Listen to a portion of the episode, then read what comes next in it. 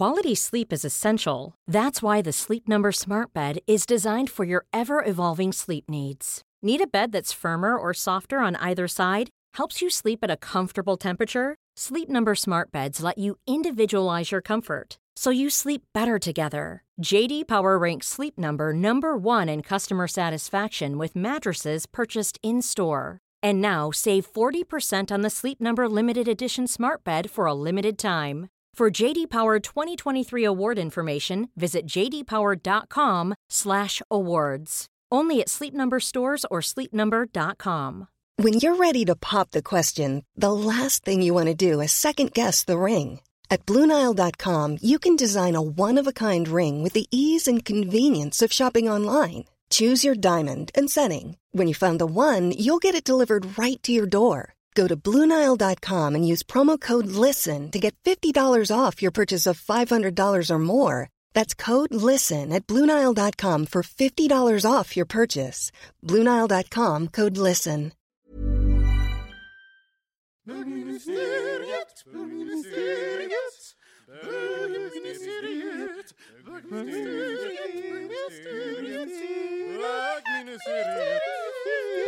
Hej och välkomna till...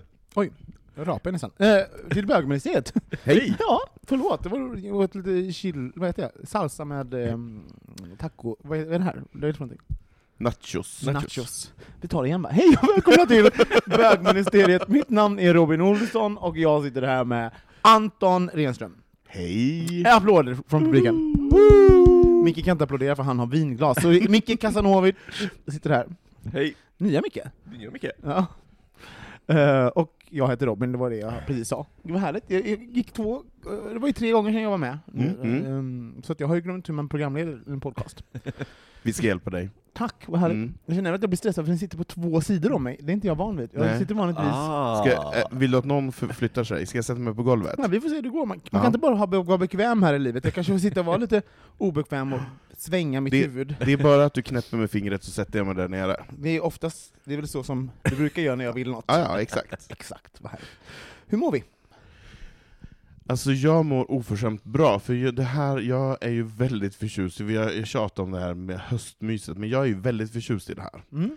Det här är ju min prime time. Jag menar inte att det är prime time att det regnar och ruskar, men jag älskar höstmys. Alltså jag tycker att det är så befriande. Man är, man är borta från alla de här kraven, utan man bara så går hem efter jobbet, tänder ljus, man kan gotta ner sig i en härlig serie, och det är ingen som säger va?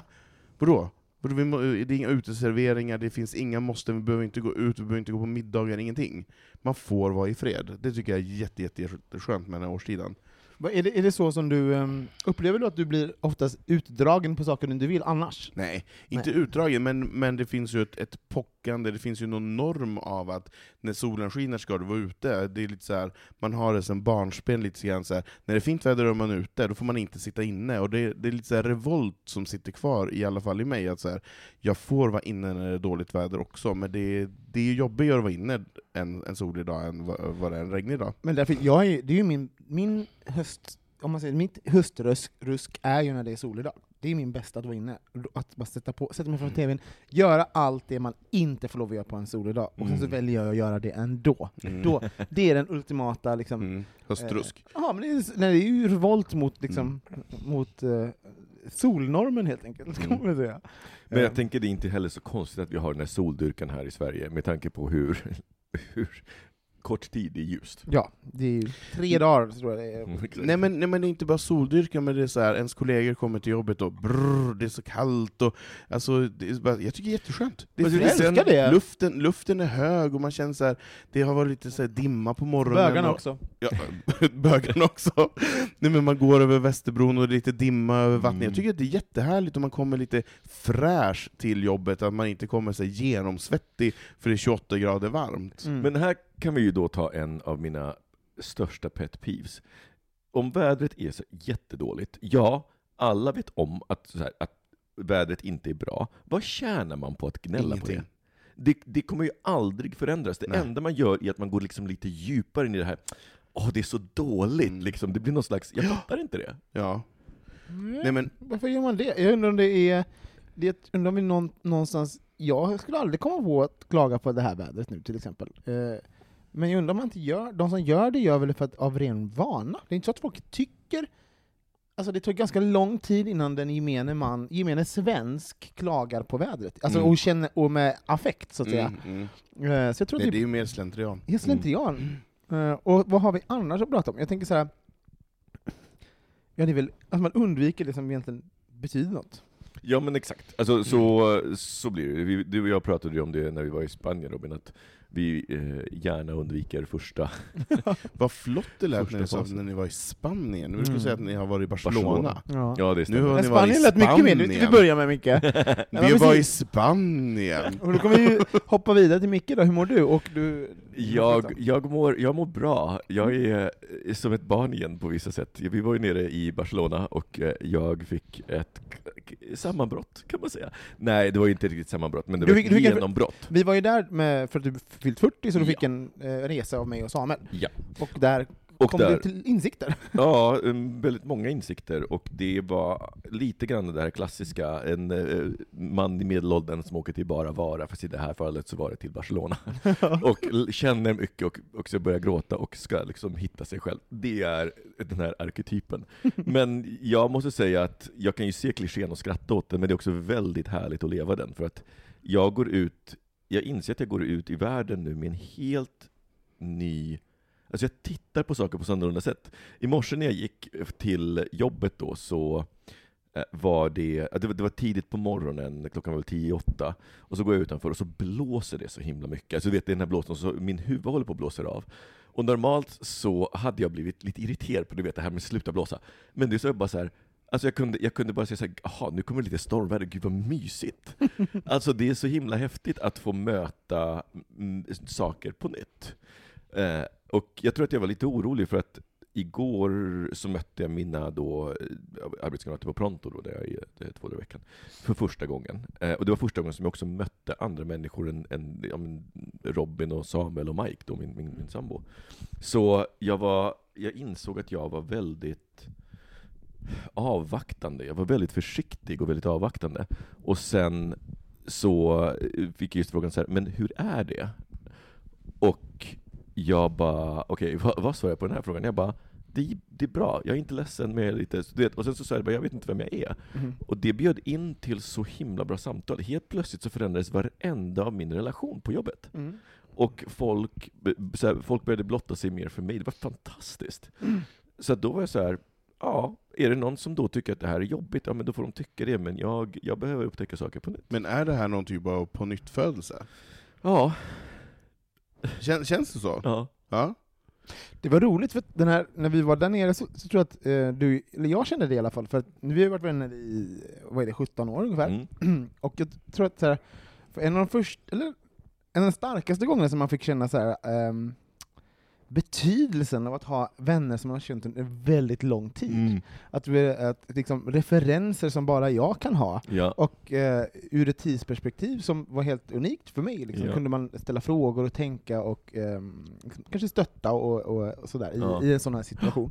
Och det tyckte jag var, så här, det var väldigt ballt faktiskt, och väldigt tufft, och vi fick mig verkligen så här, gud de här Eh, nu har vi ju alltid umgåtts jättemycket, men Mm. liksom, jag tänkte så men gud de här gamla vännerna alltså, Mm. de är bra Mm. att ha. Och man kanske, Ja. även om de, eh, man inte umgås med alla, så kanske det finns en ehm, ja, det finns någonting att ändå kanske behålla kontakten med de Mm, personerna som mm. har sett den i unika tillfällen i ens liv. Liksom. För om, rätt som det är så dyk, dyker det upp tillfällen när man kanske vill prata om någonting kring det. Ja men verkligen, och när, när man faktiskt behöver, eh, att man behöver en historia. Mm. För man behöver det ibland. Man Mm. behöver en historia att faktiskt kunna falla, falla, falla tillbaka på, eller falla igenom. Ja. Så att man inte, för det är ju, bryta ihop, ja absolut, men det är ju, man måste tillåta sig att göra det också. Mm. Ja. Vi är ju väldigt kontrollerande och hela tiden så här. vi styr ju ändå våra liv ganska duktigt. Mm. Så det är ju skönt att du då kunde med dina vänner känna att det här funkar också att bryta Mm. ihop. Det är bra, jag, tyck, jag tycker att det är jättefint. Ja, nej, jag, jag, är, jag är väldigt glad. Jag är väldigt överraskad, för det här var kanske inte vad jag förväntade mig av helgen. jag, alltså, jag förväntade mig att det skulle bli en fantastisk helg, men det här Ja. var så Alltså det var skakade om och vände upp och ner på hela min värld. Ja. Och det, ba, det kunde bara hända i det här sammanhanget också. Det var Mm. roligt, för jag, för du, jag tror du är chockad, jag är inte det minsta chockad faktiskt, för det var så här, lite som nu, sådär, man har, jag har lite väntat på någonting, för du har varit på en sån himla tydlig resa på sistone. Ja. Så att liksom, då, aha, det kom, inte så att det kom det, men, men man var helt liksom i, i in the moment att, att det var Något inte kunde hända. ja, något kunde hända. Ja. Och så. Det en kommentar på grejer du sa om att va, ehm, vi öppnar upp ett samtal för dig, dig och dina kollegor. Det är faktiskt ett av mina bästa tripp, eh, tics, eh, tics.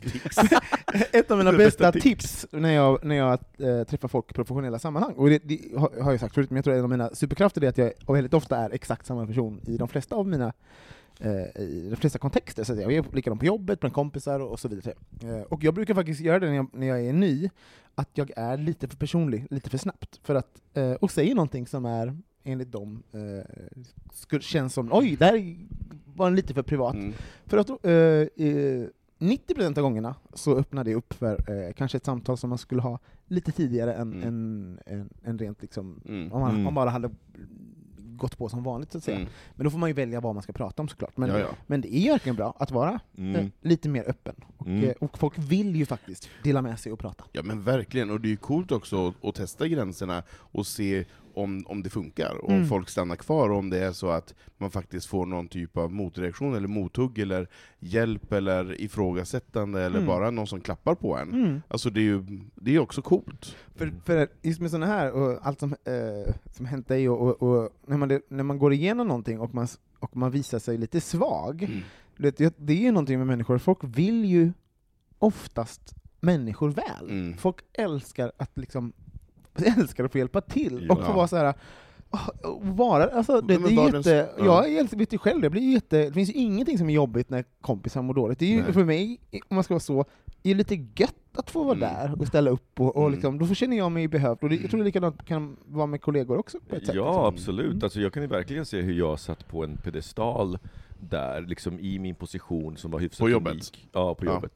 Och också i den här rollen, jag var ju han som hade alla svar, och nu helt Mm. plötsligt så sa jag, jag har ingen aning, jag Mm. vet Nej. inte. Jag vet ingenting. Mm. Det är jag, Jon Snow. Vet du, har en jingel på det. Ett litet ämne som vi ska ta upp, Mm. som har varit aktuellt, eh, varit aktuellt i flera år. Jag tror att det är närmare, om det var 11 år sedan, eller om det var nästan 12 år sedan, som en kvinna som jag inte kan namnet på, men som startade upproret metoo. Mm. Mm. Men som de senaste två och en halv veckorna har stormat i ett vattenglas. Mm. Eh, har du det? Sagt vattenglas? nej men vad säger man? Det, det, Nej. det, det, det, det, står med ett vattenglas betyder Nej, ju betyder storm för. Inte ingenting, för- utan det här är... förlåt, då, då tar jag tillbaka det. Inte storm i ett vattenglas. Det, är en Det har är stormat. storm, ja. Det har varit en riktig sju helvetes storm. Mm. Ehm, Det var intressant att följa. Alltså, Jätteintressant. Alltså, först fattade jag, jag personligen fattade ingenting först när det började blåsa upp. Jag fattade, för det kom på en sekund, Mm. så var det bara på alla sociala medier, och jag bara kände vad är det här som jag inte fattar vad det är? Sen tog det ju få, få minuter att, förstå vad det exakt var. mm. Ehm, och jag kände bara, fan vad bra det är att, att nu äntligen så får det storma loss på, på riktigt. Mm. Ehm, och det är, ska vi förklara för de som inte riktigt vet vad ja, men det kan vi göra. Jag tänkte själva- bara en parentes, för det fanns ju också någonting för några år sedan som hette Prata om det. Mm. Just det. Som också var liksom, jag, jag tror att det, det var en liksom först, ett första försök, men jag tror inte tiden var mogen. Så nu kom ju metoo då. Nej men precis. Eh, och att det är när man har blivit utsatt för ett, en, en händelse, ett övergrepp eller en situation som du inte känner dig bekväm med, att du känner att det är någon som har inkräktat på, på ditt revir, eh, och att det är nog nu. Mm. Eh, det, Det handlar ju om, om kvinnor som blivit utsatta för sexuella trakasserier och Precis. ofredande helt enkelt. Allt Mm. från våldtäkt till, eh, till liksom kränkningar på deras kroppar eller liksom eller bara kommentarer. Ja. Jag måste kommentera det här faktiskt. Det är så roligt för att eh, jag har jobbat i en av de mest sexistiska, manschauvinistiska branscher som finns, som är teater. Eh, och det är så roligt, jag har liksom bara väntat på det här. Och, det, och jag måste säga att det, det som lyser, det som händer i tv-världen, som jag då, jag har gått från en chauvinistisk eh, Till en bransch till en helt annan. Det som händer liksom med tv-branschen nu, det är så intressant att det, det finns ingenting inom teatern. Och jag kan säga så här, det är vän, Jag vet, jag kan, jag vet på mina två händer, massa ma- mansgrisar och svin som finns inom teatern, som inte blir namngällda. Varför tror du att det inte sker inom teatern? För att det är, ä- ä- ä- mer än, ännu mer än TV så är det är så gamla strukturer. Alltså, Mm. ser, det, de här kulturmännen, de, de sitter ju liksom med ah, näbbar och klor. Och även så, att, eh, jag bara väntar på att någon ska, någon ska börja. Liksom. Och det, det måste Men- ju ta, komma ifrån någon som har varit, varit med om det. Man kan liksom inte, annars blir det liksom att det inte får ingen Men makt. tror du inte att det kan komma av det här? Jag hoppas ju det. Jag bara att man väntar på något sätt börjar skala av bransch efter bransch, Ja. att man på något sätt för det är, i den branschen som vi också jobbar i, kommunikationsbranschen, så känns det ju verkligen som att det finns lite hinkar och, och hälla Ja. runt i där också. Mm. Så det, det, man väntar ju nästan att det ska komma fram. Men jag tror, jag tror också så här om man, om man tittar på, på TV och den publika, så är det, för det är någon typ av idoldyrkan och me, mediaprofiler som, som lyfts upp sådär, både på olika tidningar och på olika TV-hus. Och det är klart att det blir ju en publikbild, det slår Mm. igenom, det går ju ner i folk i, i, i stugorna, så där. alla vet vem de här personerna är. Mm. Alla kanske inte vet i teatersammanhang vem den här personen är, eller i en reklamvärld eller en kommunikationsvärld så vet man inte vem de här personerna är, Mm. och då berör det inte lika mycket. Men visst är det sjukt att, att när, jag, när jag började på, inom TV, var en av de första sakerna jag fick höra var att man, att man skulle akta sig för Martin Timell. Alltså det var, det var liksom Men då sa man det? Ja, alltså så här, Rakt för ut bara. vi, vi var, jag jobbade på systerbolaget till Meter som producerade eh, hans program och så. Så att det, liksom, det, var, det var det alla sa, ah, han, är, han är ett riktigt svin, liksom. han, man ska försöka undvika att jobba med honom. Alltså, så här, han På så- alla sätt? Ja, alltså så här, och, och, och det var så roligt, det var liksom en sanning som man... Och, Och bara acceptera det utan att liksom det gjordes någonting åt det. Ja, men grejen är att han gjorde ju saker. Folk, han an- anmäldes ju stå, eh, kors och tvärs, var det ju. Liksom. Mhm. Men det tystades ner, eller så tog de det vidare. Så här, oftast var det ju de som jobbade, som anmälde, som försvann. Alltså, så här, som sen slu, inte kom Ja, tillbaka nästa okej. säsong. Man fick inte fortsätta nästa... Men jag tänker att hans bild är ju då körd, för det, hans bild byggde ju på att vara den här helylle. Ja. Mm. Men det roliga, nu är det ju någon på TV3 också, vet jag också om det, men jag, jag kan inte gå ut och säga Mm. hur namnen kommer komma. Det må, så här, Mm. Men eh, det är en på TV3, den, det var också det första, en av de första sakerna jag fick höra. Alltså, det är så Men här, det är ju många, av de, många av de här personerna går ju väldigt mycket rykten om, ja. eh, på ett eller annat sätt. Eh, Men det är, jag måste säga, det här är också så här sköna killar. Alltså det, Mm. igen, sköna killen, och sen så som ut, utnyttjar sin position och allt vad det. Men vi måste också vända, vända lite Ja, på, precis. på eh, Samtalet. samtalet. För jag, också, jag tänker bara, först, först tänker jag att eh, jag som bög säkert också har betett mig illa på något sätt. Det var faktiskt första jag tänkte på, gud, har jag en egenskap av liksom, producent eller redaktör och sånt? Liksom, jag, jag, alltså jag, jag, finns, jag tänker så att som bög så tror jag man, att man har ehm, jag har nog på många sätt trott att jag får skämta på vissa sätt som kanske inte varit Mm. okej. Jag Mm. tror att det, har- om jag har gjort mig skyldig till något så är det är det det. Och, det, Mm. det eh, och även trott att det finns liksom en, att jag som bög har eh, rätt att skämta om vissa saker som jag Mm. kanske inte alls haft tillåtelse att uh, Mm. skämta om.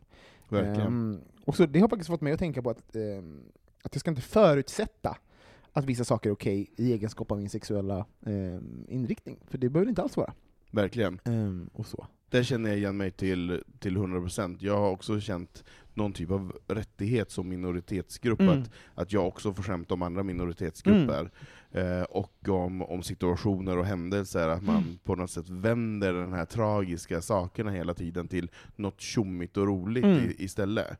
Ehm, och det är ju för att man min strategi har alltid varit att man, man får skämta om allt, och man, för att ta sig ur de här jobbiga situationerna. Mm. Men jag förstår ju naturligtvis, när man som en intellektuell person börjar sätta sig ner och resonera med sig själv, att det är ju inte okej. Nej. Det är Men- klart att jag har gjort så många övertramp så många gånger. Mm.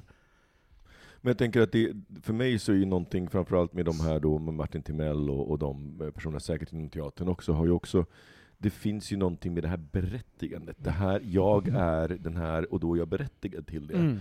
Och det, kanske så är det så tydligt för mig, för att jag har nu liksom, jag har sett hur mycket berättiganden jag hade, och som jag fortfarande har, men jag försöker nu vara tacksam för dem. Men det, det sker en korrumpering i det. Och jag, vi, vi pratade ju, Robin, eh, du och jag och Mike tror jag, om att jag hade det liksom när det gällde flyg, i och med att jag är guldkort, och det fanns liksom Mhm. det här, nej men det här har jag rätt till. Och det var verkligen en sida av mig, jag, det, det var en del i mitt uppvaknande, jag bara, men fy fan vad oskönt. Vilken Det oskön var, person. var alla förstår det. Micke hade ett oskönt guldkortsbeteende kring att flyga. Alltså så här, helt plötsligt så blev det den där personen som man, som Ja. man inte tycker om Ja. i, liksom så här, i, i flyg eh, securityn.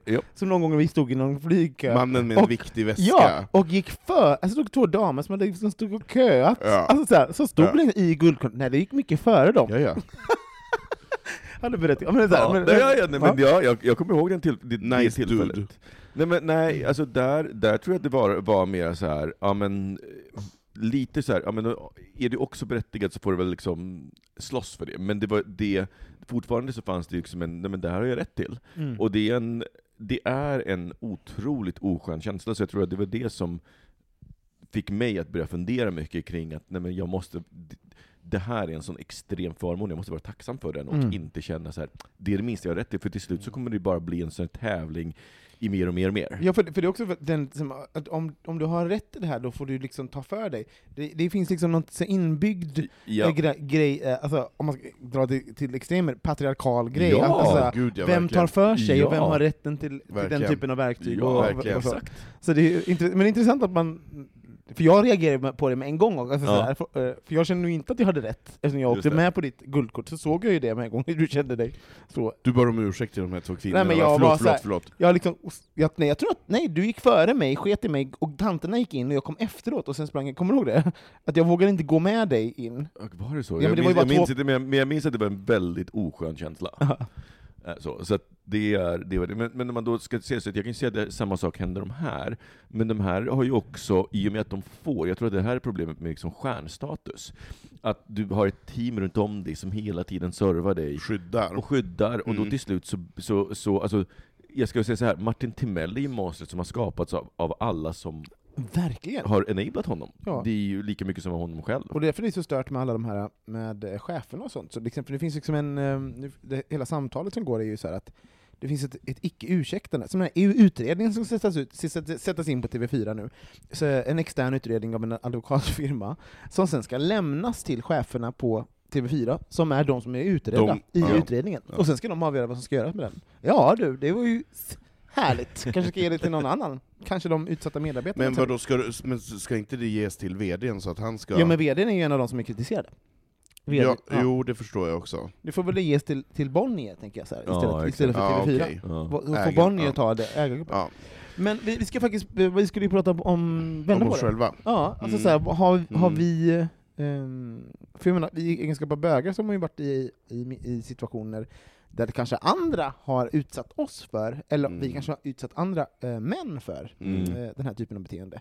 När vi har liksom inkräktat på folks integritet, eller ehm, ja, i, har vi ofredat någon helt enkelt, eh, med Gud. vilja eller eh, icke-vilja? Ja, och det, alltså, y- jag vill ju säga, ja det är klart att jag har. Alltså det vore konstigt om jag inte hade gjort det. Ehm, Jag men- tänker att jag har gjort det med, med eh, dickpics och rumpbilder och Ja liknande men, sånt där. ja men precis. Hur tänker du då? Nej men jag tänker så här, om jag har varit, jag vet att jag har varit eh, packad någon gång så här, typ, sen så bara, sen så, om någon har haft en, en sexuell, en tydlig sexuell eh, Aura. Nej men så här, eh, nej, men profiler på Grindr eller Ja. Scruff och sånt, så kan kan jag de definitivt när jag varit packad skickat iväg Ja. liksom, bilder det första jag gör, istället för att liksom kolla, eh, finns det intresse så att säga. Så att det har jag, jag definitivt. Eh, Men tror du, ja, till- för jag tänker att just där, för att vi har ju pratat om dick, eh, dickpics eller kukbilder i gayvärlden kontra i straighta världen.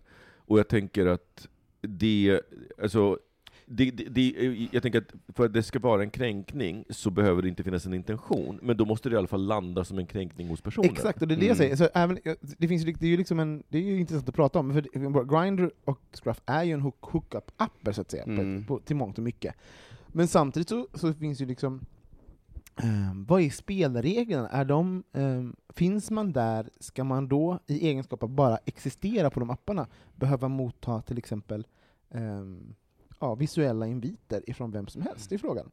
Eh, jag, jag är så här, jag är en sån person som tycker, som, om någon skickar en kukbild till mig så blir inte jag upprörd eller någonting. Det, det, alltså, det rör mig inte i ryggen. Om jag inte vill gilla kukbilden så skit alltså, det, det, rör mig liksom inte. Alltså jag inser nu att, att gamla Micke var nog lite präktig, för jag har aldrig fått kukbilder annat än Va? ja, men på, på Grindr, men du vet så här, du pratar ju om att du får kukbilder på Instagram och grejer. Ja. Nej men vadå, Nothing. har du inte fått det? Nej! Va? Nej, jag säger det, jag, är lite, jag Men har vad varit lite sänt ut för konstiga signaler? Hörni, nu är det nya Micke, äh, Precis. ny person. Han vill, han vill ha kukbilder. Skicka på! Skicka på! Snälla, nu har han uttryckt detta faktiskt, så det här, ni kan inte Precis, kränka, Ni kan inte kränka mig. han kommer inte eh, vara en del av metoo-kampanjen i, i egenskap av eh, eh, offer så att säga. Eh, så att skicka eh, kukbilder så mycket ni kan till Micke. Precis. Det. Men, men jag tänkte på det för att jag, jag, fun, jag, jag började faktiskt fundera när, eh, när vi pratade om, om metoo, när jag gjort det, men jag, det, det jag minns är att från hyfsat tidig ålder så var jag så himla obekväm med kulturen, som, nu vet jag inte om det är bara jag som har blivit äldre, eller om, om gaykulturen generellt i Stockholm har blivit mindre tafsig. Mindre? Ja. Ja. Mm. Men, men jag minns, alltså du vet, så jag minns när jag var eh, 23 och gick ut, alltså, och det var liksom innan ens jag, var, jag, jag hade börjat träna, men alltså Mm. folk kunde Tog ta på på, en, Ja. och bara så här, häcken, och det händer inte längre. Nej. Och jag undrar om Det är ingen som vill ha dig för du är för gammal. Ja, nej, precis, nej, men så skulle det kunna vara. Mm. Det är helt fine. Men, Mm. men jag undrar om det, eh, om det har förändrat sig, för att jag tänkte på det, jag, för att jag skrev ju ett blogginlägg 2010 tror jag, under Pride. När jag hade varit på Pride, och när jag fick uppleva just det här berättigandet till kroppar, att jag dansade, för då var Pride i, var i Tantolunden fortfarande, och så var det dansgolv utomhus och A-camp spelade och sådär, så dansade vi. Och sen så tog jag mig på överkroppen, och genast då så var det som att så här, ja, nu är du Öppet halloj. du, ja, och du vet, Nu det var folk som försökte ta med byxorna, alltså på Mm. dansgolvet. Mm.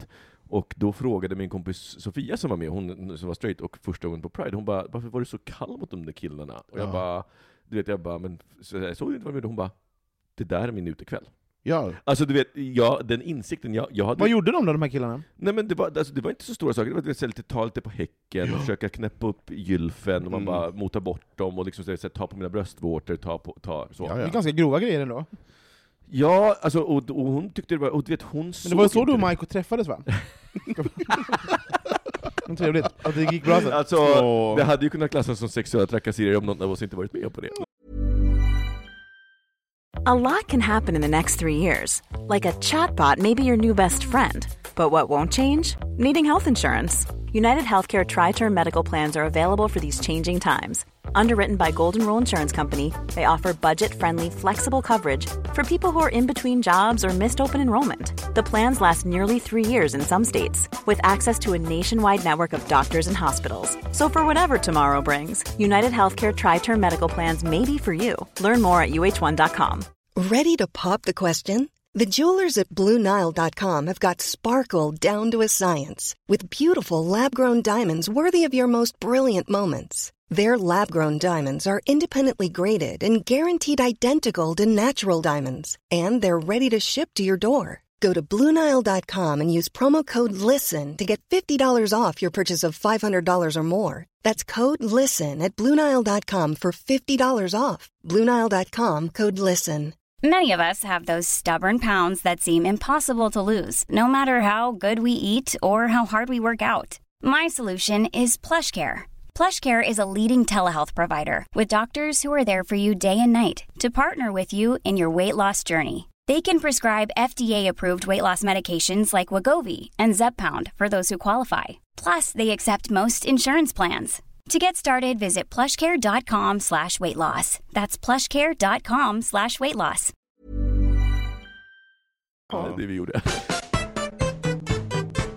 Nej men, jag, nej men jag håller med dig, alltså, du, när, när jag flyttade till Stockholm 96 och, och var på Patricia varenda söndag, alltså jag gjorde ju inget annat än att vara på Patricia Mm. och dansade till Tony Braxton, och, och eh, det var ju ofta så här rökpuffare nere på dansgolvet. Det var ju aldrig att man fick vara i fred. Det var Mm. alltid någon hand som kom fram och tog på någon liten röv, eller framme på, på bulan, och lite så här, eller nöp i någon bröstvård. Alltså det, det fanns ju alltid någon typ Mm. av sådär. Och då ny, som ny bög i Stockholm tyckte jag så här. jaha, nej men då är det så här, Just då är det så här vi jobbar. Ja. Och inte, jag kände mig inte, inte kränkt av, av det, jag tyckte att det var konstigt, ja. Mm. Eh, Men jag kände så här: okej, det är de här spelreglerna vi får förhålla oss till, då, då vet jag det. Ja.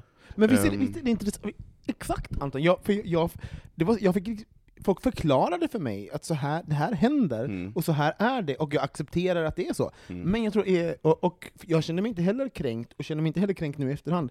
Men jag undrar om inte det är i egenskap av att vi är män, Ja. och, eh, från båda hållen. Så att det finns liksom en, vi har, vi sitter liksom på den eh, patriarkala toppen, båda två, den, eh, offret och förövaren, nu drar vi det till, hö, Ja. eh, till liksom, i, Sin spets. sin spets, så Mm. att säga. Men så när, när den handlingen sker, och man då har fått veta att så här, i den här kulturen så sker det här, då, ehm, och det finns liksom ingen eh, nu, också, det finns säkert folk som har en andra upplevelse än mig och Anton, men efteråt så finns det liksom, eh, i egenskap av den, eh, de strukturerna och upplevelsen, så kanske man inte, det finns inget ehm, efterspel. Alltså så Nej. nej. det var den upplevelsen. Så, Alltså det, det, det betyder ingenting, hände- alltså så jag, vet, jag vet inte. Jag, jag, Och jag, jag håller med dig, och jag, för jag, jag tänker varför reagerade jag så 2010 och inte innan? Och jag ska också säga så här, jag har säkert gjort det där själv när jag var yngre. Alltså det skulle inte förvåna mig.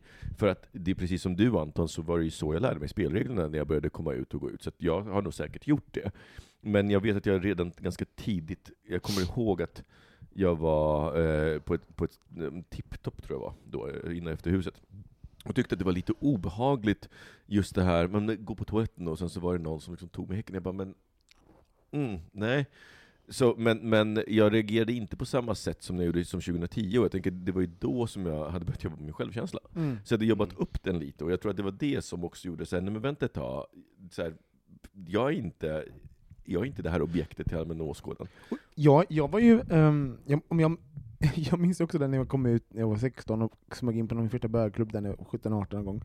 Eh, jag gillade ju också uppmärksamheten, måste jag säga. Jag, jag tyckte att det var, fanns någon, en tydlighet i det, från att vara, från att vara en, en, en ung bög som inte eh, fick vad ska jag säga, åtrå riktad till sig i det offentliga, att även om det var en äldre man som inte tyckte om mig och som visade mig tydlig eh, bekräftelse, så var det någonting jag eh, tyckte var jätte Ja. Även om Ja, jag inte ligga med honom, jag vet att det, det, och kanske var snofsad av honom, Mm. så vet jag att det fanns en del av mig, det här öppna gapande hålet fylldes ju av någon form av bekräftelse, och det var en del var det viktigt Mm. för mig. Ja, men och då fanns ju inte till exempel Grindr eller Nej. Scruff eller internet och, och liknande, så, så man kunde få den bekräftelsen. av. Mm. Eh, Men jag håller med att det verkar inte vara likadant riktigt nu, men det kan ju vara att vi är så jävla gamla så ingen vill ta oss på stjärten.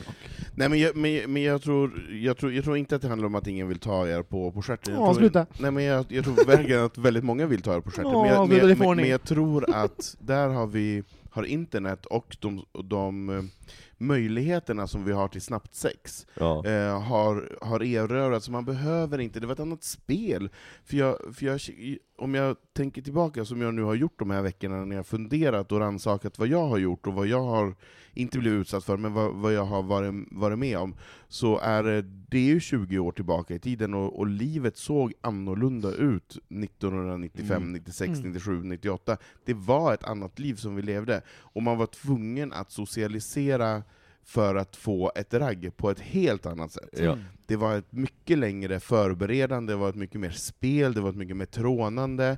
Det, alltså, det här att bjuda på drinkar eller stå och flörta över baren, eller, det existerar ju inte idag. Mm. Det Eh. finns dock på en, en miljö, och den, eh, det är tydligt sexuella kontexter som saunor till Ja men exempel. precis. För den, den, är, Ja. den är intressant, för där blir man ju eh, också roligt vad man tycker, man pushar gränserna. Jag hade inte tyckt att det var okej om någon gick fram och tog mig på snoppen idag. Mm. Då hade jag sagt till, det där är inte okej, och blivit förbannad. Så att säga. Ja. Men på en sauna, kommer någon, går någon förbi mig i liksom, korridorerna och liksom smeker handen ut med mitt kön, eh, då kanske jag puttar bort handen, men that's Mm. it. Alltså, så här, och jag, för att jag har på något sätt valt att gå in ja, i saunan. Det är ju en sexuell kontext. Det är en sexuell Ja. kontext, och även så finns det liksom en, en certain set of rules där, så tar man bort de reglerna, då stryks det liksom runt. Jag vet inte, det, man, man, eh, det är frågan, är det fel? Är det fel att man gör så? Vad tycker ni? Nej, alltså jag, för att jag tycker att det är en så tydligt sexualiserad miljö. Det som är viktigt där, det är ju att, att man då inte går över, alltså gränserna är, är framflyttade, tänker jag. Ja, Så. för, för, de, för folk lyssnar ju på det. Tar man bort Mm. en hand, det är inte så att de går tillbaka igen. Nej men exakt, och det är det jag menar, att där så är ju gränserna helt annorlunda. Där så, så krävs det ju så mycket mer för att det är en sexualiserad miljö, tänker Mm. jag. Så det krävs kanske då att, du vet, det är någon som här, sätter till handen igen efter att man har puttat bort den. Ja, för, det- för går, du, går du förbi ett, bå, äh, ett bås och någon står där med rövhålet ute, du blir inte kränkt för att man har sett det. Det är inte som att få en rövbild helt enkelt då. Nope. Verkligen inte. Nej. Men, men jag tänker också på, inte bara så här det tafsande på krogen och så vidare, om, om, om man går tillbaka till hur, när man, när man träffar en, en kille som inte kanske har haft sex någon gång, det är första gången som den personen ska ha sex, jag har haft sex med personer som inte haft sex tidigare. Ehm, det är klart att när jag tänker tillbaka så har ju inte jag alltid varit en finstämd fiol, Mm. och varit inlyssnande och väntat och, och, och, och lyssnat och tittat på signaler. Många gånger har ju jag bara kört på.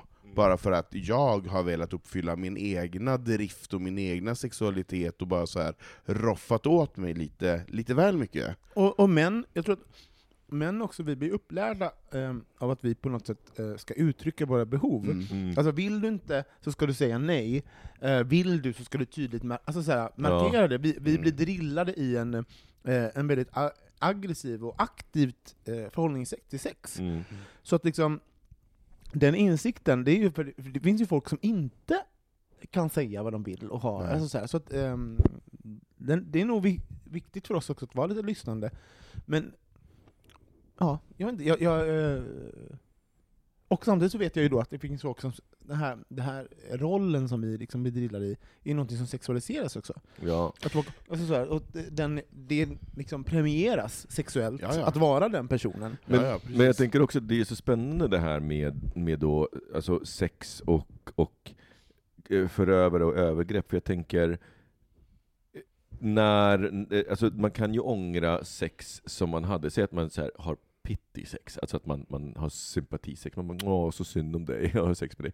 Alltså det, det har jag nog haft mer, och känt mig lite så här, men det är ju ett helt eget val, den andra har inte kunnat, like, det är omöjligt om man inte är tankeläsare. Nej. Och, och där kan jag ju verkligen inte klandra den andra, det är ju Nej. bara jag själv. Och det är intressant, för det har ju med intention att göra också. Men har jag, har jag berättat i den här podden om, om min, mitt, min våldtäkt, jag blev våldtagen? Nej.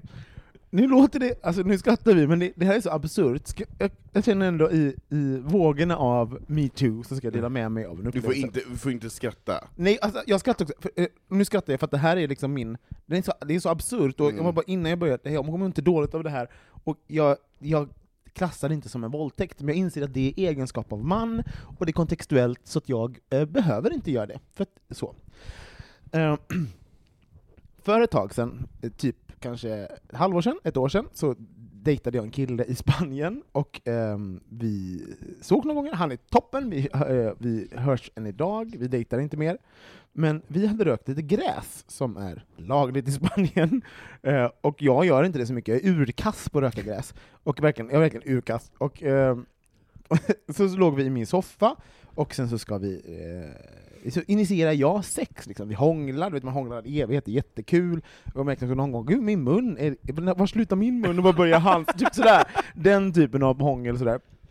Eh, vi går in i, i mitt sovrum, vi fortsätter ha sex, och sen eh, ska han sätta på mig då. Eh, och det gör han, och det är toppen. Du vet, såhär, eh, och jag har inte, jag måste säga, jag har inte eh, blivit påsatt och, när jag har varit hög på gräs förut. Sådär. Så det var liksom en, en upplevelse, det var trevligt, men det var också så här, man liksom skiftade in och ut i liksom vad, vad att mitt fokus var, Bokstavligt talat. Ja, men mitt fokus var liksom inte helt hundra på vad vi gjorde hela tiden. Alltså så här, eh, oj, nu känns det där, och nu känns det Mm. där. Jag var lite, lite fram och tillbaks. Och någonstans ehm, mitten av sexet, liksom, för det är ganska bra, ganska hett sex sådär, Eh, Eh, och lite, så här, lite rough och bla bla bla, bla så fram och tillbaks. Någonstans i mitten så känner jag bara, ah, gud jag vill, jag vill inte riktigt, jag vill nog avbryta det här. Eh, och då upptäcker jag att, eh, att jag inte kan prata. Jag kan, jag, kan jag kan inte säga något, jag bara och han fortsätter, där ligger jag på rygg med liksom be- benen överkastade mellan, alltså jag har liksom huvudet mellan benen, och liksom han är ovanför mig, jag är stenad som ett hus, och då upptäcker jag också, alltså när man inser en sån sak, då får man liksom såhär, men herregud hur hög är jag? Alltså, ja, det är såhär, exakt. hur mycket, det, jag tyckte inte alls att jag hade rökt mycket gräs liksom. Och bara Jesus Christ, jag bara, och jag måste, jag måste framföra det här liksom. Så jag försöker titta honom i ögonen, han ska liksom han ska liksom förstå, vad jag Förstå, pratar om. Alltså han bara, men då är han ju inne i sin egen grej. Liksom, så här, och, ja. och Och få ögonkontakt och och, få- tycker... och vår ögonkontakt. Och Ja, ja. han- Det blir innerligare. Ja, han kan ju inte to- tolka mig. Nej. Alltså, så här, och, jag, och då slå, och jag ska försöka få, liksom få till ord, men jag kan inte. Och så, då kommer hela, och jag det här är ju också något, Micke du känner mig väl, och Anton också, jag, jag är den mest meta-personen i världen. Jag kan inte se på mig själv bara utifrån mitt eget perspektiv, jag ser mig alltid utifrån. Och då kom det, den absurdaste meta-situationen i världen, jag bara, blir jag våldtagen nu? Är det här en våldtäkt, tänker jag? Mm. Och då insåg jag, men gud, det är, alltså enligt, konst, eh, enligt allt så är det så här, jag har, inte, jag har liksom tagit bort mitt konsent nu, mitt Just det. medgivande till sexet är Ja, borta, Ja. Eh, och jag kan inte kommunicera, um, då måste ju det vara det. Och så, men gud, han vet inte om det, så att, hur ska han kunna, han gör ju ingenting fel. Vet, och jag tänker, vet, jag vrider, vrider och vänder på det, medan han sätter på mig, liksom, så ligger jag där och går igenom alla de här grejerna. Och, Hur lång tid... alltså, tre år. Ja, Nej men förstår du, så här, tre kändes det som, ja, och sen kunde det varit tre sekunder. ja. Men jag hinner liksom, och, och jag, jag skrattar nu för det här är helt absurt, så liksom under de här, mm, kan det vara säkert bara ett par minuter kanske, eh, eller kanske var tio minuter, jag vet inte riktigt.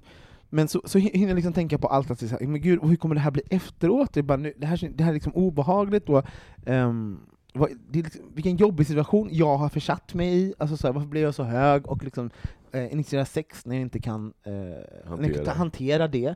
Eh, och så fick jag säkert dåligt, sam dåligt samvete för honom då. Jag bara, ska jag berätta det här för honom efteråt? För han har ju bara en trevlig stund här, eh, och tror att jag har det fine, och nu kommer jag, om jag skulle berätta det här för honom så kommer jag liksom lägga någonting på honom som han inte Som inte ens vet att någon... Nej, och liksom, vad är det för honom att hantera liksom, som en fine kille? Ehm, och sen så tänker jag så här, det här är ju upp till mig att lösa på något sätt, för jag, har, jag, kan inte ge, jag kan inte lägga över det på honom att han ska sluta ha sex med mig, för jag Mm. måste sluta ha sex, jag ju, måste ju hitta den makten någonstans. Här. Men så tänker jag så här, men jag kan ju inte prata. Eh, och då, så här, men om jag, om jag börjar, om jag tänker, jag har, det började det här sexet med att jag ville ha sex. Mm. Det var ju det, det var jag som initierade sexet Mm. till och med Mm. kan jag vända det på något sätt? Jag bara, för då börjar jag liksom komma ur, så här, kanske, kanske det grejen, jag, jag sitter här, för det insåg också att jag, det är ju, här är ju en del av att jag var eh, stenad på gräs, Ja. var ju att jag fastnade i liksom en loop, ett Mm, tänkande av någonting. Mm. Jag bara, men då kanske jag kan få in, komma in i det andra stället, så jag kanske kan fokusera på vad han faktiskt pysslar med, istället för att fokusera på vad jag håller på att gå igenom. Så jag Mm. bara så här, jag började fokusera på eh, sexet istället. Mm. Typ så, här. så tänkte jag, men just det, för jag, jag var väldigt bra på att fokusera på olika kroppsdelar också, så jag bara, men jag fokuserar på mitt rövhål helt enkelt, för det är där han håller på att sätta på mig. Så då gjorde jag det, jag bara, men det var ju ganska skönt där. och så bara insåg jag ja men okej, vänta, this is the trick tror jag. Att, jag- att ändra min upplevelse av vad som egentligen pågår, för att det är så här, jag hade gett ett medgivande, vi hade sex, eh, jag var egentligen i en trygg situation, och att så här, ehm, då ändrades allting helt enkelt, och Mm. då blev inte heller den här bubblan så, så eh, enorm, och sen så, så hade vi sex och sen så var det klart. Men efteråt, när jag låg där, så, så bara eh, då hade jag ändå lite svårt med intimitet med honom. Jag var också lite, jag bara, för att jag, Mm. är- den låg kvar i mig, upplevelsen. Ehm, och han, jag, jag bestämde mig inte för att säga någonting till honom såklart. Eh, men jag, tänk, jag har tänkt så himla mycket på det här. Vad, eh, och jag, inte för att jag mår dåligt, inte för att det här egentligen, eller det ska jag säga, det har inte påverkat mig alls, hur, hur, hur jag ser på sex, hur jag ser på mig själv, hur jag ser på medgivande. Jag har bara insett hur extremt svårt det är med, med eh, eh medgivande till sex. Och, så, eh, och att i egenskap av man eh, så hade jag med den, det är i ryggen att vara man, och den tryggheten det är, så, så kunde jag eh, gå vidare från den här upplevelsen utan att känna ehm, Ja, men känna så mycket kring den. Jag behövde Mm. inte känna så mycket, för att samhället berättade inte för mig att jag behöver känna så mycket kring det. Och att Mm. jag kä- var trygg nog i, ehm, i upplevelsen, som jag är då på grund av att jag är man, och inte känner... Alltså så här, allt det där. Och så insåg jag, shit, vad det... eh, Och att när jag berättat det för, för mina kompisar, så har folk liksom alltid varit att några få har varit så nej men gud vad läskigt, men de flesta har liksom också skrattat vidare så här.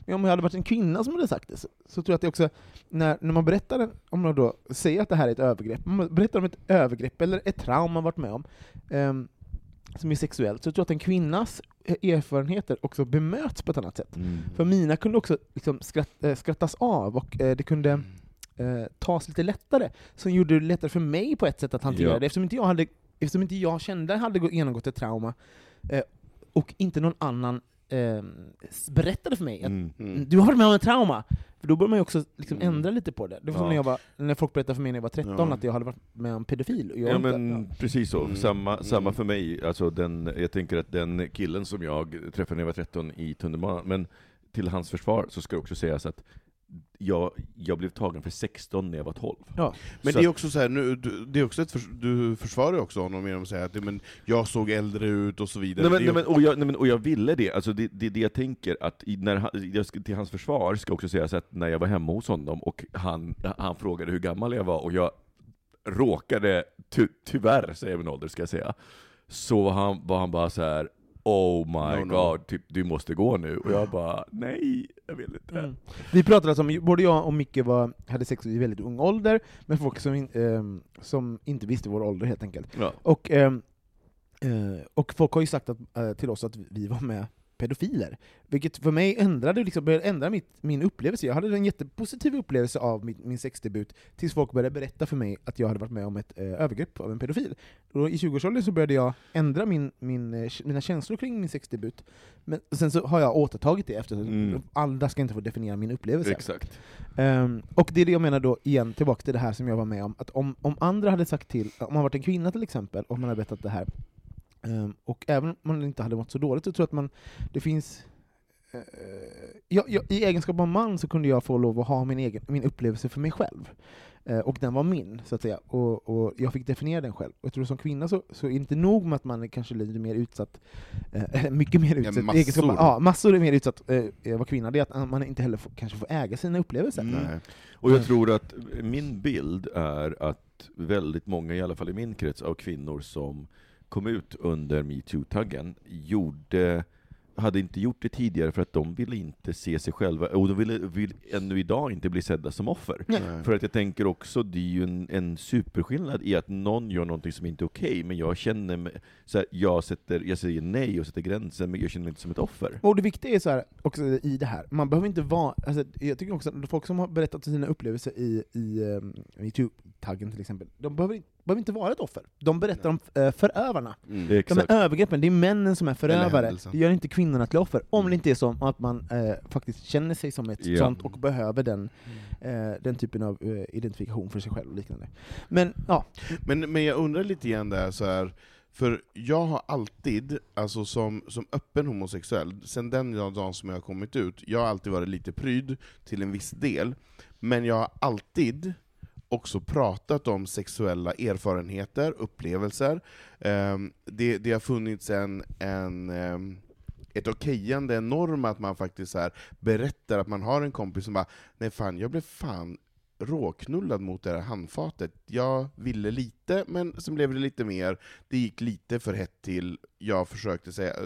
Och jag känner ändå att vi har ändå pratat om det, och det känns som att det är ändå någonting som vi har som en fördel, känner jag som Ja. homosexuell man, är att vi har haft fördelen i samhället att vi är män, men vi har också kunnat prata om den utsatta delen och faktiskt vågat utforska också de sakerna som är okej och de som inte är okej, utan att, just som ni säger, så här, nej men nu har du blivit utsatt för ett övergrepp, eller inte. För det här medgivandet kan ju ändras under resans gång. Mm. Och det tar ju tid att lära sig. Det lär man sig ju inte bara när man är tio år gammal, att okej, så här långt får jag gå, så här, och sen måste jag s- s- säga någon stopp. Det är ju svårt, det är jättesvårt Men där att... tänker jag, alltså, jag, jag tänker att jag ser ju lösningen på problemet i ju att stärka självkänslan hos människor så att de kan säga nej, och faktiskt säga nej, för att precis som Robins upplevelse är ju faktiskt ganska symptomatisk för det här. Så att man Absolut. skulle ju kunna se då den här killen som en våldtäktsman, och, och så vidare. Och, det, alltså, och hela historien hade kunnat sälja in som det. mm. Mm. Men, men det, det kräver ju att man faktiskt sagt nej, och sen så kan det ju vara väldigt olika upplevelser. Man bara, jag sa nej, men ja. Ja, absolut. Men sen tänker jag också, det är inte bara att säga nej, det gäller ju att lära sig handskas med signaler. Ja. Och det är ingen som har lärt mig så här att du får ta lite, men inte hela vägen. Alltså det, oftast går man ju hela vägen. Oftast. Det är Mm. väldigt få gånger som jag under mina sexuella år har fått en tillrättavisning. Mm. Det är väldigt sällan som någon har så, vi har, vi har påbörjat någon typ av sexuell akt, och att någon har bara sagt stopp, nu Mm. vill jag inte längre. Mm. Alltså, jag tror faktiskt inte att det... Ja, en gång tror jag att det har hänt. Och då, då blir ju det en sån här, va, va, vad gjorde jag för fel? Men, Men- jag behöver inte gjort något fel, det var bara så här, den personen ville inte mer, det var bra Mm, nu. Exakt så.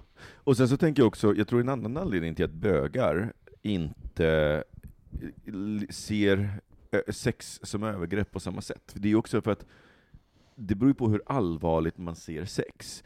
Och jag tänker att det Mm. finns ju någonting i den här eh, heteronormen och patriarkala strukturerna där kvinnor ger upp någonting. De ger Mm. bort någonting. Män är de som vill ha det här och som eh, kräver det, eller ber om det, eller tjatar om det, eller köper det. Och kvinnor är de som då tillhandahåller det. Så att Mm. det, jag tänker att det är ju också en del av problemet. Ja. Alltså, eh, att liksom, precis, att det inte är, det är inte en gåva och det är inte en, en makt. Den sexuella makten är inte någonting som ehm, Ja, det är, ingen, det är ingen present som kvinnor ger bort, utan det, det är Nej. någonting som tillsammans eh, överenskommelse. Och jag, Alltså, precis, och jag tänker just det här med att ge bort någonting, det, det är det som är så skadligt. Jag är väldigt glad. ja, det, är inte, det är inte heller någonting som mannen tar. Nej! Alltså, så här, det är Nej. de två grejerna, alltså, det måste det, det den här mellanvägen, den är, och, den det, är så det- himla... och, det, och det, det kommer in på hela problemet med ordet oskuld. Mm. Du är oskuld. Du är oskyldig, och sen så tar någon någonting från dig, du ger Ja. bort den. Men det, det, för det, sjuka är ju också så här, om man tittar på vi som står liksom utanför heteronormen, sådär, så kan ju också, det är det som ibland kan provocera mig med hela spelet mellan kvinnor och män, som är så himla förtjusta i att liksom så här, men det, här, det finns en feministisk rörelse, eh, och som kvinnor och män ska vara ett visst sätt, men det, men det finns även en, en extrem längtan att liksom leka de här könsrollerna, och att leka kvinna, och leka Mm, m- man. Så man ska, kunna, man, ska vara, eh, man ska vara feminist på gatan och en hora i sängen, som Exakt. många säger. Det. Och då använder man det här, de här giftiga rollerna, eh, som då på något sätt, är vi, den här metoo på något sätt har visat eh, konsekvenserna av, om man ska vara Mhm. helt ärlig. Ja. Säger inte att det, det, det är inte an- anledningen, men jag tror att det, det, det finns liksom, man måste också, vi måste vända på eh, konversationen och tänka så här hur, eh, rent sexuellt, alltså så här, hur, hur, hur gör man? Och medgivande är alltid medgivande, så det kan man göra eh, det här säger jag inte att, att inte kvinnor, man ska alltid ta, kunna ta ifrån och ge ett medgivande, inte det, men så här, men ehm, Nej, men jag tänker, jag tänker att, att kvinnor lärs att de är objekt som ger bort någonting. Så fort du har sex så har du gett någonting. mm. Och män är de som säger nej men kvinnor vill inte ge det, så du måste liksom locka. Det blir liksom det här spelet, och jag tänker att det... Det, det spelet har man ju inte riktigt mellan två Nej, män. precis. Och jag tänker också att jag, jag kan på riktigt inte säga när jag förlorade oskulden, för det vet Nej. jag inte. Nej. För att jag tänkte inte i de banorna, och Nej. jag tänker att det är så himla...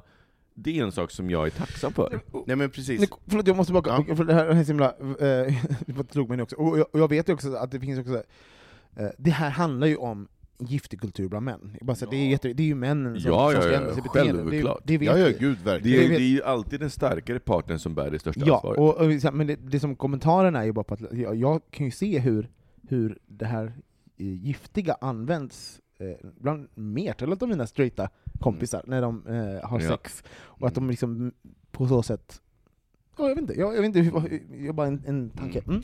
Nej, men jag kommer att tänka på så här. jag har, har en kompis som, som har varit helt fascinerad av att många homosexuella kan ha så när det ringer på dörren sen när man har sex, mer eller mindre, det behöver inte vara anonymt, men, men mer eller mindre förspel. Eh, det, kan, det kan ske pang på i hallen. Eh, och vi har pratat jättemycket om det här, hon, hon har inte förstått överhuvudtaget, för hon bara, men då har ju du inte på något sätt sagt att det här är okej. Och jag faktiskt helt så dum i huvudet som jag är. Jag har inte förstått vad hon har menat överhuvudtaget. Jag bara, jo men alltså, jag tycker att det är jättehärligt. Jag, jag har ju gett mitt medgivande till att jag släpper in den här personen. Just det är det. mitt medgivande. Till, och jag, jag känner alltid att jag kan säga nej. Mm. Jag känner aldrig att jag... Men att hon menar så här, nej men jag vill att personen kommer in, vi kollar, stämmer av lite grann, vi dricker ett glas vin, det vi kanske äter lite grann, vi samtalar, sen Sen kan det vara pang på, ner på golvet och, och köra på, men det ska vara någon typ av förspel. Och det är ju vårt sexuella privilegium som bögar faktiskt. Alltså vi, vi åtnjuter mäns privilegium med sexuell makt. Eh, Men vi har det liksom, och, och, och makten i att kunna ligga med någon eh, som har samma eh, privilegium Men som jag ska också säga att det, ju, finns ju gott om kvinnor som bara, som gärna Gud, vill så här, ja. ligga, ligga på, stå på alla fyra i hallen medan någon kommer in och sätter Och på det dem. finns jättemånga homosexuella män Ja, men som, som vill, som vill Så att jag tänker dejta. det där är mera maktstruktur, jag ser det ju mer som, som maktstruktur, ett sätt att hantera, hantera, för att någonstans, det, om vi tar det här patriarkala, heteronormen och, och sex, så är det ju så här, mannen ska uppvakta kvinnan tills hon känner att det är redo, hon är redo att ge upp Ja. det här som hon ska ge upp. Mm. Och jag Vad nu tänker, det är. Ja, vad nu det är. Och jag tänker att det är ju det som är det farliga, att odla även i sig själv. Att Mm. jag ger upp någonting. För då Mm. blir man per automatik ett offer. Du Mm. kan aldrig vinna det spelet. Du kan använda sex för att kontrollera, Mm. men det innebär ju också att så fort du har gett upp det, då, är, då har du inget vapen längre. Nej. Och jag tycker det är intressant det här med, när jag gjorde mitt sexprogram på TV3, så då jag träffade ju väldigt mycket BDSM-folk och sånt, så folk som jobbar med, med makt och giva, eh, medgivande i sexuella roller. Och det finns ju ingen som har så bra koll på det här som folk som jobbar exakt. med eh, BDSM-folk Ja. har fantastisk koll på... Och det är bara ett litet tips, liksom. om, ni, om ni är liksom, eh, osäkra på vad medgivande och, eh, och det här med sexuell makt och liknande, vad det innebär, och eh, att givande och tagande och använda det i, i sexualitet, så Mm. koll, kolla in BDSM-kulturen lite grann, för Mm. det, det finns så himla tydliga regler, och det är folk som Folk, det vet också eh, en stor... Eh, det är många som kritiserar till exempel om en, en mansmaster har liksom massa slavkvinnor, att det finns liksom något ofeministiskt att ge upp sin makt på något sätt. Men det här är det mest... Eh, folk som, som eh, pysslar med BDSM, de, de har jag uppfattat som de mest genomtänkta, eh, eh, artikulerade personerna Verkligen. när det kommer till sexuell Och makt och liknande. Och då får de ha varit tvungna att göra arbetet Mm. innan de Mm. har sex. Ja. Och vi är så många personer idag som bara har sex utan Mm. att göra arbetet och tänka Mm. efter i, eh, innan. Vi, vi är extremt, i en extremt sexualiserad eh, kultur, där vi förväntas liksom kunna saker, och vi hoppar, vi hoppar in på liksom körkortsnivå när vi inte ens börjar provköra. Nej. Så det är inte, eh, på ett sätt är det inte konstigt att vi hamnat där vi är idag. Eh, så att jag, jag tycker så här, man borde ha man borde ha någon form av fucking jävla körkort, eller att vi så här, ni, om ni är intresserade av det här, Mm. fucking Vet du vad som är det, det, måste- det enda jag kan säga är tragiskt i det här sammanhanget, det är att det finns ju en utbildning i USA för män, om straighta män då, om med, eh, samtycke, ska jag säga. Och det är så sorgligt, för att jag, du kommer inte ihåg om det var This American Life som hade ett avsnitt om det. Och de här frågorna de hade, alltså du vet, Ja, det, det är ju de, var, de är ko- så lost. amerikanska college är det. Mm. Ja, de är så lost att de är så här. om jag gör så här och hon inte säger nej, är det, du vet, alltså det var, det var liksom som de ville ha på detaljnivå. Mm. Om jag knäpper upp hennes byxor och, och hon, du vet, Nej men precis, och det känns lite så här, deras datingkultur också, så här, man ska komma till olika skeenden beroende på vart Ja. man är i dejtandet. Vi är ju inte där i, i, i Sverige i alla fall, vi jobbar ju inte på det där sättet riktigt. En sen- dejt kan ju betyda olika saker, det kan vara en sexdejt men det kan också vara en kaffedejt.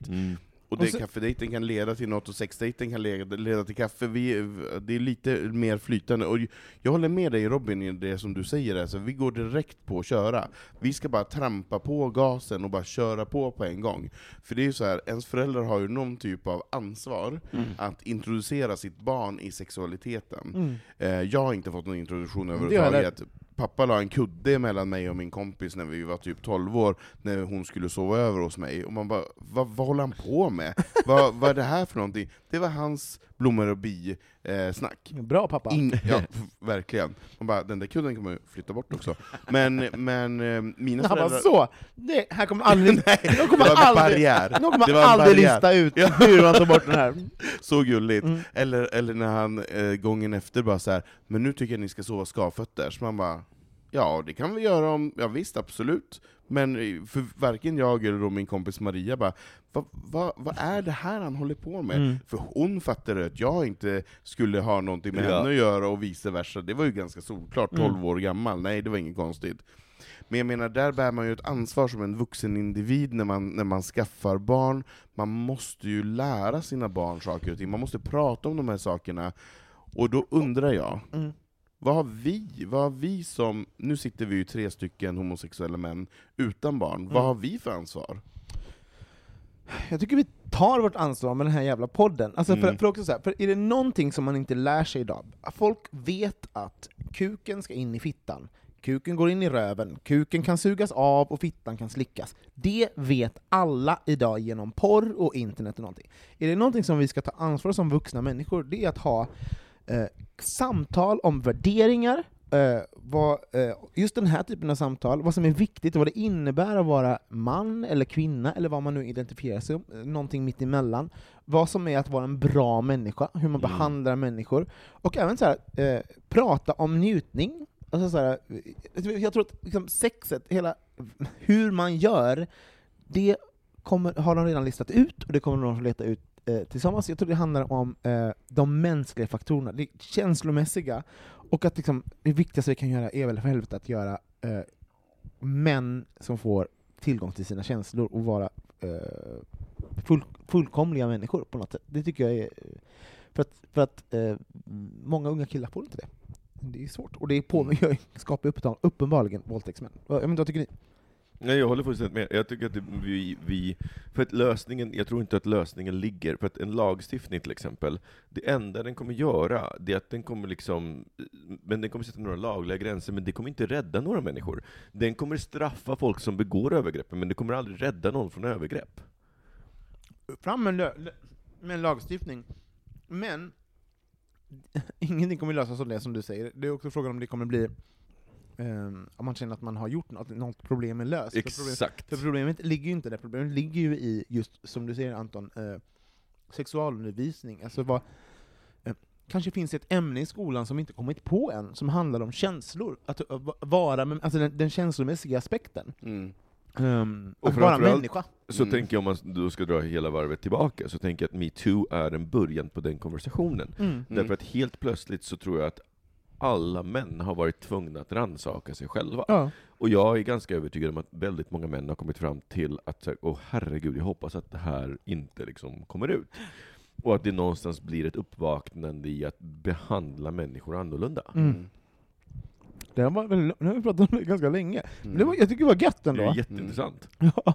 Ehm, Vad va- Ni har några åsikter, och framförallt så vore det intressant att höra från, alltså, från alla våra lyssnare, men framförallt från, från kanske homosexuella lyssnare och flator. Mm. Hur ser metoo-diskussionen ut i era vänskapskretsar? Ja. Har ni haft någon, och hur tänker ni kring det? Ja. Och, och framförallt, vi babblar ju på här som sagt, det här är ju våra åsikter, så att ni Verkligen. kom gärna in med vad ni tycker. Ja. Och håller ni inte med om något, säg emot, så läser Ja. vi upp det och får ert perspektiv in i podden. Precis.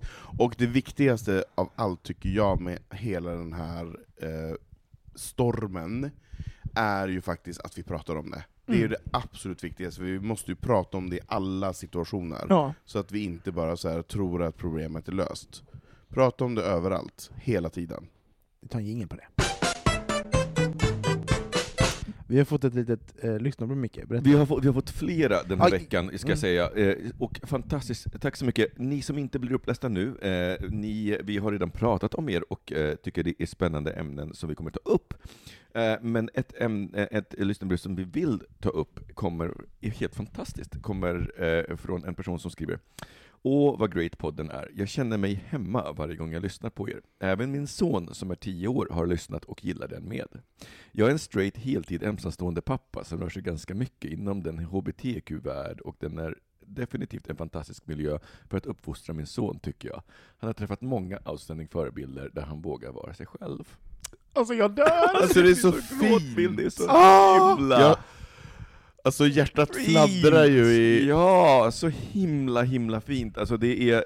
Sen hoppas jag att den här tioåringen lyssnar på våra grövsta avsnitt, för jag vet inte om det är då Vissa saker, men Kanske det, inte den om man har det, det tror jag inte att han gör Nej. heller, för den här pappan verkar bara helt fantastisk. Men alltså, det är nästan så att jag skulle vilja att han kommer och pratar med oss. I, Verkligen. i nu, nu, förlåt, förlåt, nu eh, kom vi på en sak. Jo men pappa, det står en pappa. Jag tänkte om det är jag som har hittat på att det är en pappa. Nej, det var... Nej, det stod att det var en pappa. Ja, men gud, tack Nej. för att du delar med dig till din son och, och, att... Eh, nej men för, förlåt, jag misstänker att det kanske finns fler där ute som lyssnar på oss som inte tillhör kanske vår, vår lilla Ja, skara av verkligen. eh, vad vi nu eh, tycker att vi är. Ehm, så tack för att ni lyssnar, och tack för att du Spreading the gospel. Och eh, sen så ska vi eh, också då tillägga att eh, Emir och Kevin har skickat in två stycken brev. Ni eh, vet säkert vilka ni är, och de tyckte vi var intressanta att ta upp, men det är lite för mycket idag. Ska vi, alltså vi babblar på så mycket om metoo, och det blir så mycket om, om, eh, om gräsvåldtäkter och allt vad det var. Mm. Men eh, det, Ja, det kommer helt enkelt. Det kommer. precis. Ehm, Och sen ska vi också säga så här, förra, förra veckan så hade vi ju ett avsnitt där vi pratade om eh, Johan, eh, minister Johan, han hade den här sexställningen, paddan, Mm. och vi bad folk skicka in eh, Illustrationer av Och paddan. det var bara en som gjorde det, så grattis Meru, du vann! Mm. Eh, och vi ska hitta på ett jättebra pris till dig, och jag- vi ska höra av oss till dig. Eh, Micke ska göra paddan med dig. vi, Grattis! vi, vi, alla, Alltså, vi alla tre Alltså, ska göra... helt, helt, Är vi, han bara 'me too' ja, i och för sig, den, den, den, inte verkar, inte, den verkar inte vara så svår. Eller? Det är, det är sitta på huk och knulla i röven bakifrån. Ja, det var inte vad Robin menade, eller Robin, det var Johan menade. Nähä, Det var inte det. Nej, han, Nej, nej, men- han får rita upp den bilden själv och posta den på Instagram. Ja, Ja, för- fast sam, samtidigt, det här är ju tolkningen av vad den här personen trodde paddan var. Ja, Så och att det den är är ju... fantastisk. Vi ska lägga ut den på Instagram. Och det är inte Japp. konstigt att man tolkar Johans ord som han vill. Så. Men gud, så rörig som han Ja, är. herregud. Pladdrar på. Pladdefia alltså. Ja. Älskar när vi snackar skit om de andra ministrarna. Ja, usch, de är så dåliga alla andra. Tack, tack Robin för att du äntligen har kommit Ja. tillbaka efter tre avsnitt. Vi Ja, har, det var- vi Det var förfärligt. outstanding. Nej, men tack för att ni lyssnar alla, och eh, även ni som inte identifierar er som hbtq-personer, och som ändå Ja. lyssnar, och bara för att vidga ert eget perspektiv. Fy fan vad det uppskattas, och Ja. tack för det! Eh, vill ni oss någonting så finns vi på hejatbogministeriet.se, vi har en Facebook-sida, vi har ett Instagram, ni, vi har en hemsida, ni kan få ta oss precis, ni kan få ta oss precis vad ni vill. Nej det kan ni inte! Me too! Ah! Med de orden så säger vi hej då, vi hörs igen nästa vecka. Puss och kram!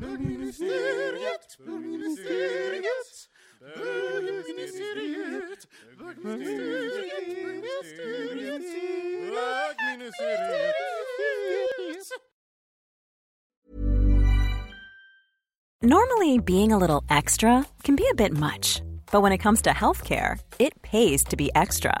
And United Healthcare makes it easy with Health Protector Guard fixed indemnity insurance plans. Underwritten by Golden Rule Insurance Company, they supplement your primary plan, helping you manage out of pocket costs without the usual requirements and restrictions like deductibles and enrollment periods. So when it comes to covering your medical bills, you can feel good about being a little extra. Visit uh1.com to find the Health Protector Guard plan for you.